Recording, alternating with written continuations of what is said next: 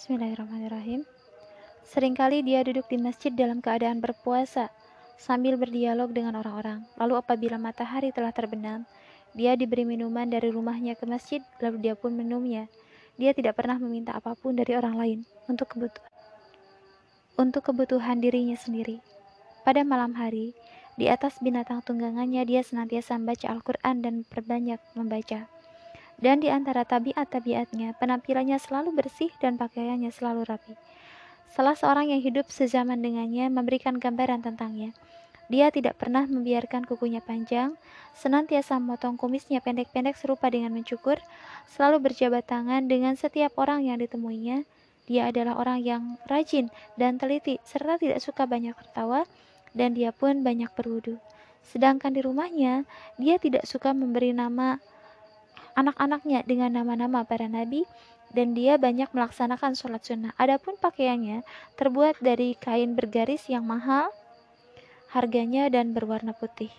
Sa'id bin Al-Musayyab tidak pernah bermusuhan dengan siapa pun. Apabila ada seseorang yang menginginkan pakaiannya, maka dia akan berikannya kepada orang tersebut. Di rumahnya, dia mendidik anak cucunya di atas fondasi ketakwaan. Dia melarang putrinya bermain dengan anak-anak perempuan dari orang yang buruk akhlaknya, namun dia memperkenankan putrinya bermain bersama orang yang sesuai dengan rumah yang islami dan diberkahi ini. Dia adalah orang yang fakih dan benar-benar memahami agama. Abdurrahman bin Harmalah, salah seorang sahabatnya, pernah datang kepadanya dan bertanya, Aku menemukan seorang laki-laki yang sedang mabuk. Menurutmu, apa yang bisa aku lakukan selain melaporkannya kepada sultan? Maka Sa'id menjawab, jika engkau bisa menutupinya dengan pakaianmu, maka tutupilah dia. Lalu ketika laki-laki itu sadar, dia merasa malu atas perbuatannya dan berkata, Demi Allah, selamanya aku tidak akan mengulanginya lagi. Dia berkata tentang ibadah. Sesungguhnya ibadah itu adalah bertafakur tentang Allah, sub, uh, Allah Azza wa Jalla, dan menjauhkan diri segala sesuatu yang diharamkan Allah. Terkadang beliau duduk di masjid Rasulullah Shallallahu Alaihi Wasallam pada saat bulan Ramadan, lalu dikirim minuman untuk berbuka dari rumahnya di masjid Nabi Shallallahu Alaihi Wasallam. Tidak ada seorang pun yang sangat ingin memberikan minuman kepada Sa'id bin Al-Musayyib, lalu dia meminumnya. Apabila dia diberi minuman dari rumahnya, maka dia meminumnya. Namun apabila tidak diberi apa-apa dari rumahnya, maka dia pun tidak akan minum apa pun sampai dia pulang. Dari apa yang telah dipaparkan tadi, kita dapat merasakan bahwa laki-laki ini adalah orang yang zuhud terhadap harta orang lain. Dia suka makan dari hartanya sendiri dan tidak meminta-minta kepada orang lain dengan terus-menerus atau mendesak. Dia adalah orang yang kaya dengan sifat kona'ahnya dan rezeki yang telah Allah anugerahkan kepadanya. Apakah pernah dikatakan atau disebutkan sifat yang bertentangan dengan ini di dalam kepribadian seorang ulama dan ahli fikih di antara para ahli fikih Madinah yang tujuh? Pendapatnya tentang wanita, dia mengatakan, Aku tidak pernah merasa takut terhadap apa pun atas diriku seperti rasa takutku terhadap wanita.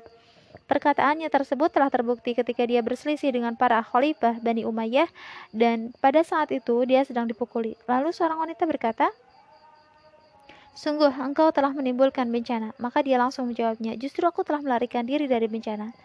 Dia bermaksud mengatakan kepada wanita tersebut, sesungguhnya aku telah melarikan diri dari bencana mereka kepada kemuliaan logika atau ro'yu. Karena dia telah mencela mereka dengan dalam banyak situasi, sehingga dia tidak berbayat kepada mereka. Kami akan memaparkan cobaannya dengan mereka dalam sirahnya ini.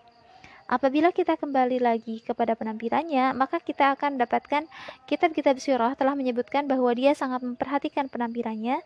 Dia mengenakan sorban yang di atasnya dipakaikan peci yang lembut dengan sorban putih yang memiliki tanda merah yang dijulurkan di belakangnya sepanjang satu jengkal. Dia keluar dengan berpenampilan demikian pada hari Idul Fitri dan Idul Adha.